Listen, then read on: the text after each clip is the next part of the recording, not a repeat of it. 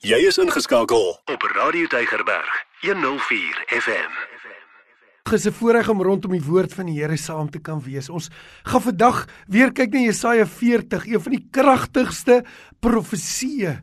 Profesie op ons Here Jesus Christus en die troos van sy boodskap. En ons gaan bietjie kyk na die heerlikheid van die Here. Maar voor dit kom ons bid Vader, ek bid dat U deur die Gees nou ons harte sal verruim om die lieflikheid, die allesoortreffendheid van u heerlikheid te sien. Here, ons sit baie keer nou, miskien sit iemand wat luister in 'n situasie wat so ver is van heerlikheid en wat so wat so vol is van van gemors en van hierdie wêreld dat 'n mens nie kan dink aan heerlikheid nie. Maar Here, ek vra dat u deur u Gees nou hierdie woord sal lewend maak in ons harte. Ek bid dit in die naam van Jesus sodat dit kan hoop bring, sodat dit lewe kan wek en sodat ons fokus na 'n lieflike verlosser wat lewe kan draai. Ek vra dit in die naam van Jesus. Amen. Ja, weet jy ons lees Jesaja 40 se eerste 5 verse en dis so half die tweede deel van Jesaja wat begin. Hy begin Jesaja 40 vers 1. Troos, troos my volk, sê julle God. Spreek na die hart van Jerusalem en roep haar toe dat haar stryd verby is, dat haar skuld betaal is en dat sy uit die hand van die Here dubbel ontvang vir al haar sondes. En dan sê hy, hoe gaan dit kom? 'n Stem van een wat roep in die woestyn, berei die weg in die woestyn van die Here. Maak in die wildernis 'n pad vir ons God. Elke dal moet opgevul word en elke berg en elke heuwel moet klein gemaak word en die bult moet gelyk in die rotsagtige plekke 'n laagte word en die heerlikheid van die Here sal geopenbaar word en alle vlees sal dit sien want die mond van die Here het dit gespreek sien hy begin hier en sê troos troos my volk want Jesaja het as jy nou die eerste klomp hoofstukke sien dan sê Jesaja vir Israel en vir Juda spesifiek julle sit so in rustigheid maar die Here gaan die heerlikheid wegvat uit julle midde. Hy gaan die tempel gaan op die ouend val en die heerlikheid van die Here gaan wegwees en dan gaan julle sit in 'n ver land. Hy sê ook Babel wat gaan opkom en wat gaan gaan val. Jesaja voorspel dit alles en hy sê julle gaan 'n ver land sit en julle gaan troosteloos huil want die tempel is weg. Julle stad Jerusalem en julle land is verower en lê in pyn. En julle kan nie die Here aanbid nie want aanbidding was vanuit die tempel en die heerlikheid het die tempel verlaat en hy sê dan wanneer julle troosteloos sit, dan wil die Here sê daar gaan troos aanbreek en daai troos gaan op 'n sekere manier kom. En natuurlik omdat die Here dit gespreek het, sal dit ook so wees. Jy sien.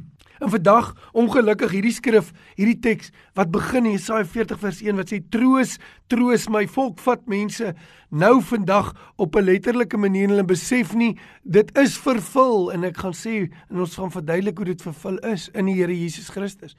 En dan sê hulle, nee, ons moet net mooi werk en ons moet nou met Israel as die volk van die Here baie baie mooi werk. Ons moet hulle net troos. Dit is wat die Here hierso sê, maar nee, dis nie wat hierdie teks sê nie. Die teks sê die troos sal wees as hulle vergifnis kry van hulle sonde. Dis waar die troos gaan lê. Die troos lê in die vergifnis vir sonde en dit moet nog bewerk word deur 'n offer. Die troos gaan nie lê in 'n fisiese herstel van hulle wat gaan teruggaan oor 70 jaar nie. Dis nie wat hy daar sê nie. Hy sê die troos gaan wees wanneer hulle stryd met hulle sonde verby is. Luister, hy sê haar stryd is verby, haar skuld is betaal. 'n Dubbele deel sal sy ontvang vir haar sonde. Dis waar die troos lê. Dis net soos vandag dat die troos vir die wêreld lê nie in omstandighede wat 'n bietjie verbeter nie, dit lê nie in dinge wat net beter gaan nie, dit lê nie in beter politiek of dat ons stad minder load shedding het nie. Dis nie waar die troos lê nie. Die troos lê in die offer wat die smart van sonde in jou lewe kan versoen. En dat wat 'n prys betaal sodat jy kan vry wees van die grootste en hartseerste ding en dis die sonde wat dood verdien. Dis waar die troos lê en dis waar hy ook sê die troos vir Israel sal kom. En dan wat verwys hy hierna? Hy sê 'n stem van een wat roep in die woestyn sal kom. Maak u weg van die Here gelyk. Wie's dit? Dis Johannes die Doper. Dis Johannes die Doper wat gaan kom voor die troos vir Israel aanbreek. Dis vir ons nie moeilik om te sien waarvan dit hier praat nie. Dit is helder en duidelik. Waarvan praat dit hier? Dit praat van ons Here Jesus Christus wat sal kom. Dit praat van die prys wat hy sal betaal, die verzoening wat hy sal doen vir sonde aan die kruis en dat daar dan 'n manier is vir mense om die smart van die sonde troos voor te kry deurdat hulle die offer neem wat Jesus bring. Dit is duidelik. Dis duidelik hierso. Maar kom ons gaan nou weer terug na waar Israel hier sit. Want wanneer Jesaja hierdie voorspel, dan is dit 150 jaar, tussen 150 en 200 jaar voor Jerusalem eh, gaan val. Voordat Nebukadneser gaan instroom en hulle eers deels in ballingskap neem hulle jong manne soos Daniël hulle en dan op die ouend kom die tempel vernietig en die hele Jerusalem in puin los. Dis omtrent 150 jaar voor dit.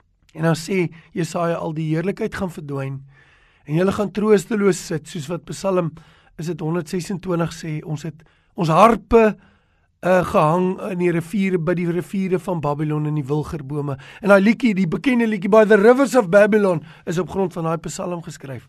Waar hulle gesê het maar hoe kan ons die Here loof? Hoe kan ons die heerlikheid van die Here ontmoet en kry in 'n ver land? Ons is troosteloos.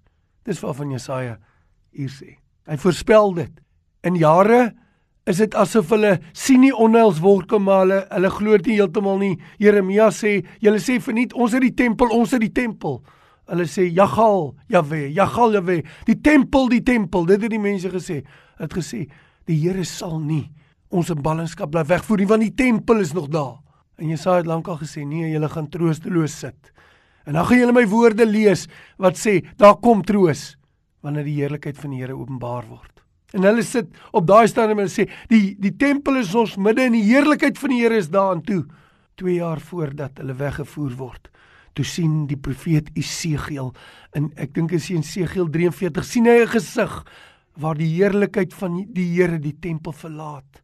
En Esegiel sê julle moet julle bekeer want die heerlikheid van die Here gaan verlaat en nog steeds glo hulle dit nie. En toe kom Nebukadneser en hy hy vernietig Jerusalem en hy ploeg die tempel plat en die tempel en die heerlikheid is nie meer daar nie. En hulle sit inderdaad in Babel soos wat dit gebeur het en hulle sê, "Wie kan ons nou troos? Wie kan ons nou troos? Die tempel, ons stad is weg." En toe lees hulle weer Esegiel. Wat sê troos? Troos my volk, want die heerlikheid van die Here gaan geopenbaar word. En toe begin die Here hulle terugstuur. Toe stuur hulle hulle terug 70 jaar na ballingskap. Toe stuur hulle terug in in Esdra en Nehemia herstel die mure en die tempeldiens.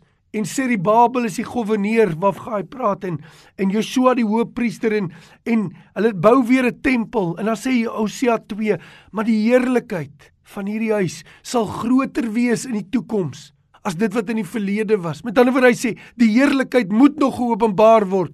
En dan dan gebeur daar iets in Lukas 2. Dan is daar herders op die oop veld en dan kom die Here met 'n engele skare en dan sê hy die heerlikheid van die Here het rondom hulle geskyn. En die eerste keer in 400 jaar beleef Israel iets van die heerlikheid van die Here. Wie sit wat dit beleef? Herders. En hy sê vandag Ek bring 'n goeie tyding van groot blydskap wat vir die hele volk bestem is. Vandag in die stad van Dawid is die verlosser gebore, Jesus die Christus. Julle sal 'n kindjie vind wat in doeke toegedraai is en in 'n krib.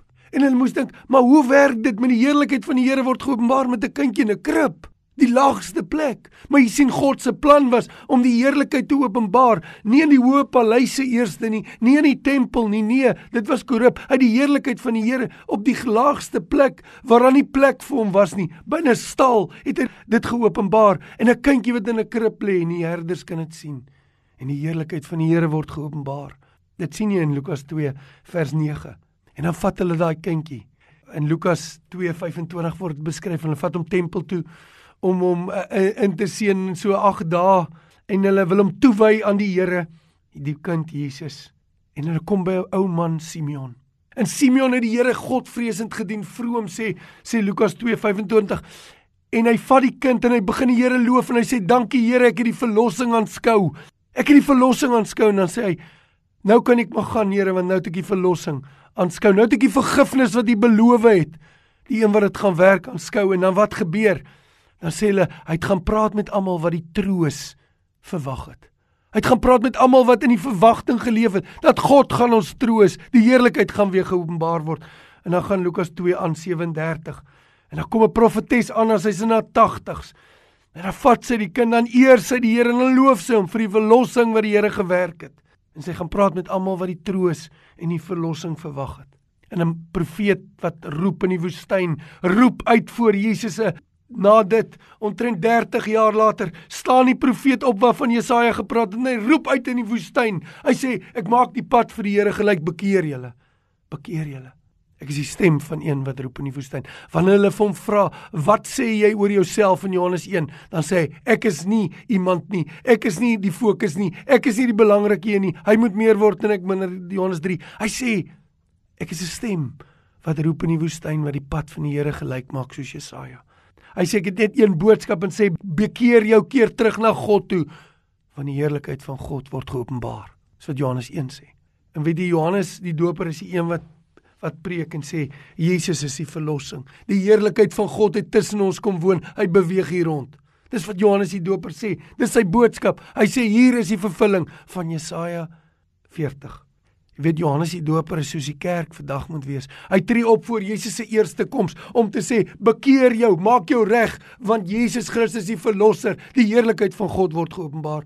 Net soos wat die kerk nou moet leef en sê: "Bekeer jou. Bekeer jou." Ons antwoord is: daar is troos.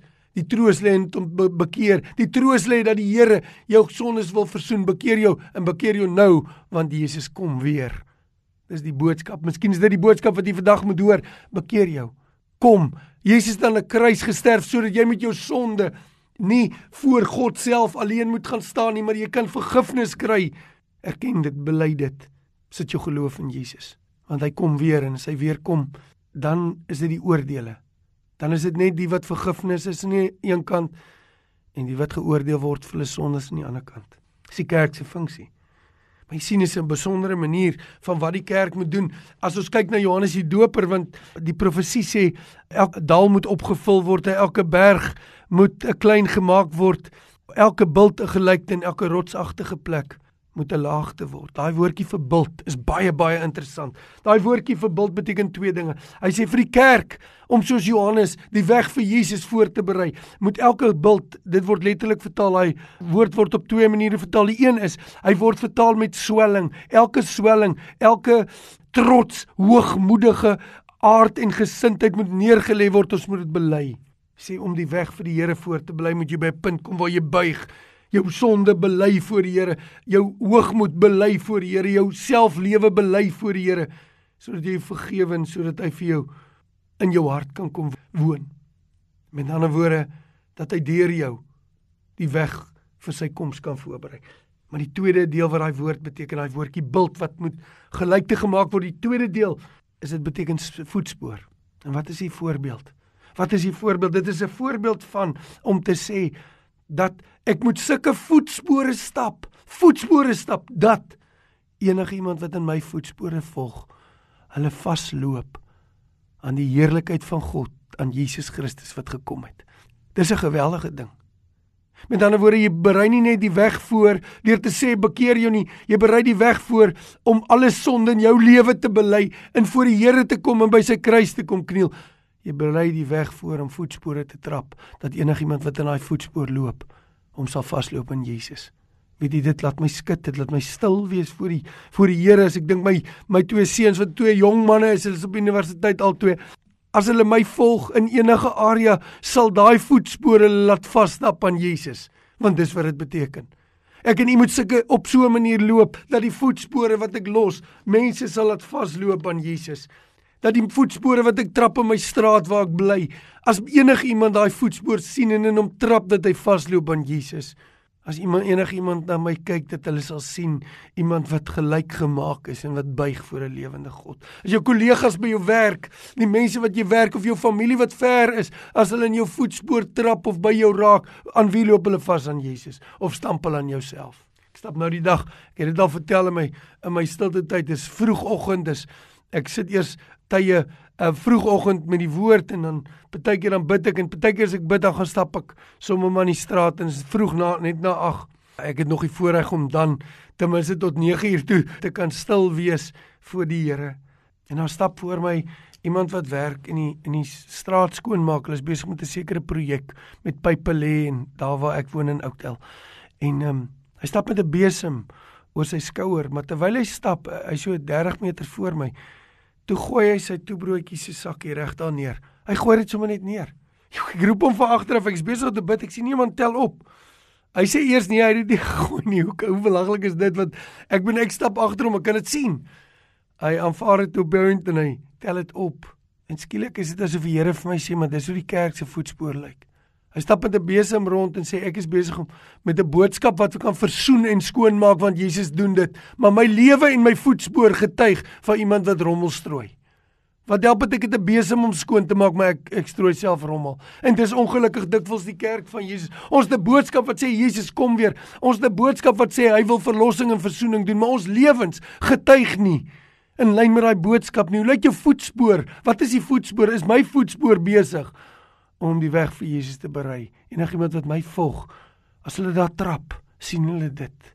Weet ek ek raak stil daarvoor en ek bid vir die Here dat wanneer ek dalk eendag nie meer daar is nie, dat die voetspoor wat hulle het van my hulle sal lei om dieper saam met die Here te loop. Ek prys die Here dat hulle altyd die Here dien, maar ek dit is my gebed en dit is my verlange. Was dit so met Johannes die Doper? Was dit so? Ja. Ja, Johannes 10. Johannes 10 vers 40 tot 42 sê die volgende.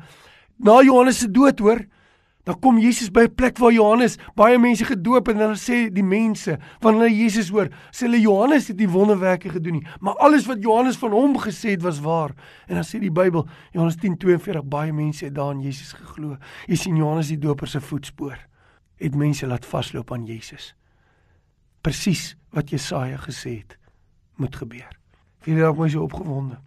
Want Jesaja se boodskap was Jesaja se boodskap was deur die sonde van Israel is die heerlikheid van die Here en wat in hulle tempel en hulle in hulle offerstelsel hulle moes naby bring aan God het verdwyn deur hulle sonde. Dit het gebeur net soos wat sonde bring dood.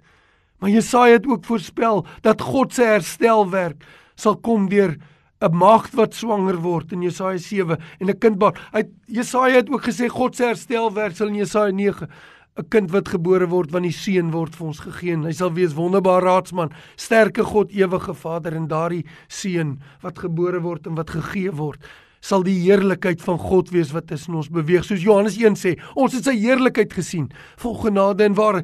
Hy sê daai heerlikheid van God gaan verbrysel word in 'n kruis. God gaan die laag en die skuld en die aakligheid en die vleeslikheid van sonde op hom laai en stik en breek in 'n kruis en dan gaan die heerlikheid van God geopenbaar word. Presies soos Jesaja gesê het. Ek wil afsluit. Ek wil afsluit met die heerlikheid van God, vier dinge wat in die heerlikheid van God geopenbaar word. Vier dinge in my en jou. En ek wil vra, het jy al by die punt gekom waar jy gebuig het voor die kruis? Is dit al gelyk gemaak in jou lewe? Het jy al gekom en gesê, Here, ek kan myself red nie, want jy kan hierdie woord hoor en kan niks in jou doen nie. Hoekom nie? Van die Bybel sê, die Here se arm is nie te kort om te hoor nie. Sy hart is nie te ver van ons af wees ons oortreding ons sondes wat dit keer. Die Here het 'n plan gemaak. Hy's stikkend gebreek in 'n kruis vir my en jou. U kan dit vandag doen. U kan vanaand, u kan buig voor die Here kom doen dit. Die eerlikheid van die Here sê op vier maniere in my en jou lewe. Nie net een dag, daai tyd in Christus se aardse bediening tot by sy kruis en opstanding en sy opvaar in die uitstorting van sy Heilige Gees. Dis nie oral nie heerlikheid van God breek in elke kind van die Here aan wanneer Jesus in jou lewe gebore word. Wanneer die heerlikheid van God in jou gebore word, wanneer jy 'n nuwe lewe kry, dis wedergeboorte. Noem Johannes 3. Kom die heerlikheid van God. Kolossense 1 sê Christus in my die hoop op die heerlikheid. Christ in me the hope of glory is die eerste ding. Hy gee sy heerlikheid in ons. Dieselfde gedeelte van daai woord in Kolossense 1 kan ook vertaal word met Christus onder ons. Daai woordjie en kan beteken in of onder. Christus onder ons. Die hoop op die heerlikheid. En dis weer antwoord op 'n profesie wat Sagaria gehad het. Sagaria 2 vers 5 wat hy sê: "Die Here gaan in ons midde kom bly, 'n muur van vuur rondom ons en sy heerlikheid in ons midde." Dis die beeld van die kerk wat die draer is van sy heerlikheid. Sy heerlikheid kom nie net in my hart wanneer hy in my kom woon nie, maar in die gemeente van die Here. Die heerlikheid van God is in ons midde en hy's rondom ons soos 'n muur van vuur. Sien, jy kan nie dit los nie. Jy kan nie daai heerlikheid mis nie. Dis nie net genoeg om te sê nee, ek het die heerlikheid ervaar, ek is 'n kind van die Here en die Here wil jou binne sy gemeente bring. Dis die heerlikheid van God onder ons. Die derde En dis vir my so kosbaar, weet jy. Is Johannes 17. Johannes 17 vers 21 en 22 sê die volgende. Is Jesus se gebed. Dan praat hy van die heerlikheid. Dan sê hy Vader, hy praat met sy Vader en hy bid vir ons. En hy vra, ek ek lees dit hier vir u vers 21 Johannes 17. Hy sê ek het hulle u heerlikheid gegee sodat die wêreld kan glo dat u my gestuur het as hulle een is. En dan sê hy en ek het hulle die heerlikheid gegee wat u my gegee het sodat hulle een kan wees net soos ons een is. En ek het ek en hulle in een my sodat die hulle volkome een kan wees sodat die wêreld kan weet dat u my gestuur het en hulle liefgehad het net soos net soos u my liefgehad het. Dis 'n mond vol, weet jy wat? Dit sê die heerlikheid van die Here. Jesus het dit kom bring en hy gee dit vir sy kerk sodat daai heerlikheid ons kan trek in 'n een eenheid in. In 'n een eenheid in wat 'n getuienis is vir die wêreld, 'n getuienis van twee dinge, die getuienis van dat Jesus gestuur is. Hy is die heerlikheid van God wat geopenbaar is en die tweede is dat God ons liefhet. Hoe kommunikeer ek die kerk aan die wêreld dat die Here Jesus die verlosser is wat gestuur is van die Vader en ons liefhet? Hoe kommunikeer die kerk? Deur saam te staan. Weet jy wat? Hoeveel keer praat ons hier teenoor mekaar nie? Hoeveel keer probeer ons vir die wêreld sê, moenie kom drink van die waterval nie. Kom drink uit my bottel want my bottel is beter as die bottel af met die straat. En die Here gee sy heerlikheid nie net aan 'n gemeente nie, maar aan sy kerk aan die eenheid van sy kerk. So laat ek gou opsom. 1. Die heerlikheid wil in jou kom. Tweede, die heerlikheid kom binne gemeente lewe. Die heerlikheid van God in die muur van vuur rondom. Dan kom die heerlikheid van die Here gee hy vir sy kerk tussen kerke en tussen gemeentes. Dis waar ons moet in eenheid ook staan want dit het 'n getuienis. Weet jy wat ons is nou tans besig in in Mannenberg om as die kerk saam voor die Here te staan as 'n een eenheid, want daardie eenheid bring die heerlikheid van die Here in ons midde en in 'n in 'n wêreld in wat dit so nodig het en dit het 'n impak en dit getuig van wat? Dit getuig van dat Jesus gestuur is deur God, deur die Vader en dat dat die Vader ons liefhet soos hy die seun. Dis die getuienis wat die kerk moet hê. En dis die getuienis van eenheid, sê Johannes 17. En dit begin by sy heerlikheid. En die vierde is Paulus skryf, dan sê hy 2 Korintiërs 4 vers vers 17 en 18. Dan is hy 'n geweldige verdrukking. Hy daai lyste deur 2 Korintiërs sê hy sê lys van verdrukking is geweldig. Dis geslaan, gestenig in die oop see, honger, gegee vir dood. 3 keer geslaan, 40 houe. En ultimately gaan hy doodgemaak word en dan sê Paulus hierdie volgende: die ligte verdrukking wat vir 'n oomblik is bewerk vir my 'n alles oortreffende ewige gewig van eerlikheid. Want ek let nie op die ons op die sigbare en my onsigbaar, want die sigbaar is tydelik en die onsigbaar is ewig. Wat sê hy? Hy sê dit wat ons nou smaak van die heerlikheid van God, selfs in die moeilikste tye, weeg nie op teen die heerlikheid wat vir ons wag nie. So wat wou Jesaja sê in sy profesie en waar lê die troos? Ja, dit lê in vergifnis, maar dit lê in die eerlikheid van God wat geopenbaar word wat in ons kan kom in Jesus Christus. Tweede, wat onder ons kom in die gemeente soos 'n muur van vuur rondom ons. Wat tussen die gemeentes in die kerk moet inkom sodat sy heerlikheid kan getuig na 'n wêreld dat Jesus is wie hy is en God ons liefhet. En daardie heerlikheid het 'n belofte in van 'n ewige heerlikheid wat alles wat ons hier ken oorskry en wat vir ons hoop gee. Al gaan dinge vir my moeilik, al werk dinge nie vir my uit nie, al voel dit vir my die Here antwoord nie my gebed nie. Al lyk dit al hoe swaarder, al lyk dit asof dit onweerswolke is, al kry jy nooit daai werk nie. Al gebeur dit en dan gebeur die ergste ding en dan verloor ek hulle wat die dierbaarste is vir my. Dan wag daar vir my 'n alles oortreffende ewige gewig van heerlikheid. En dan sê Paulus, dit wat ons kan sien weeg nie op teen dit wat ons nie kan sien nie en wag vir ons nie. Wat 'n belofte wat die Here gegee het. En hy begin in Jesaja 700 jaar voor Christus 2700 jaar voordat ons vandag sit sodat hy vir u vandag kan sê daar's hoop en daar's heerlikheid by vandag voor die Here. Ek wens ek kan langs u sit en ek wens ek kan met u gesels hieroor. Ek wens ons kan saam bid. Maar jy kan dit doen. Jy kan nou na die Here toe gaan. Jy kan nou by Jesus gaan kniel. Jy kan hier ook ons nommer bel. Ons sal graag saam met u bid. Of jy kan na iemand toe gaan wat jy weet die Here ken en sê help my om te buig voor die lewende God sodat sy heerlikheid ook my hele lewe en my hele toekoms, verlede, hede en toekoms kan insluk. Mag die Here u seën. Amen. Elke dag jou nommer 1 keuse. Radio Deugerberg 104 FM.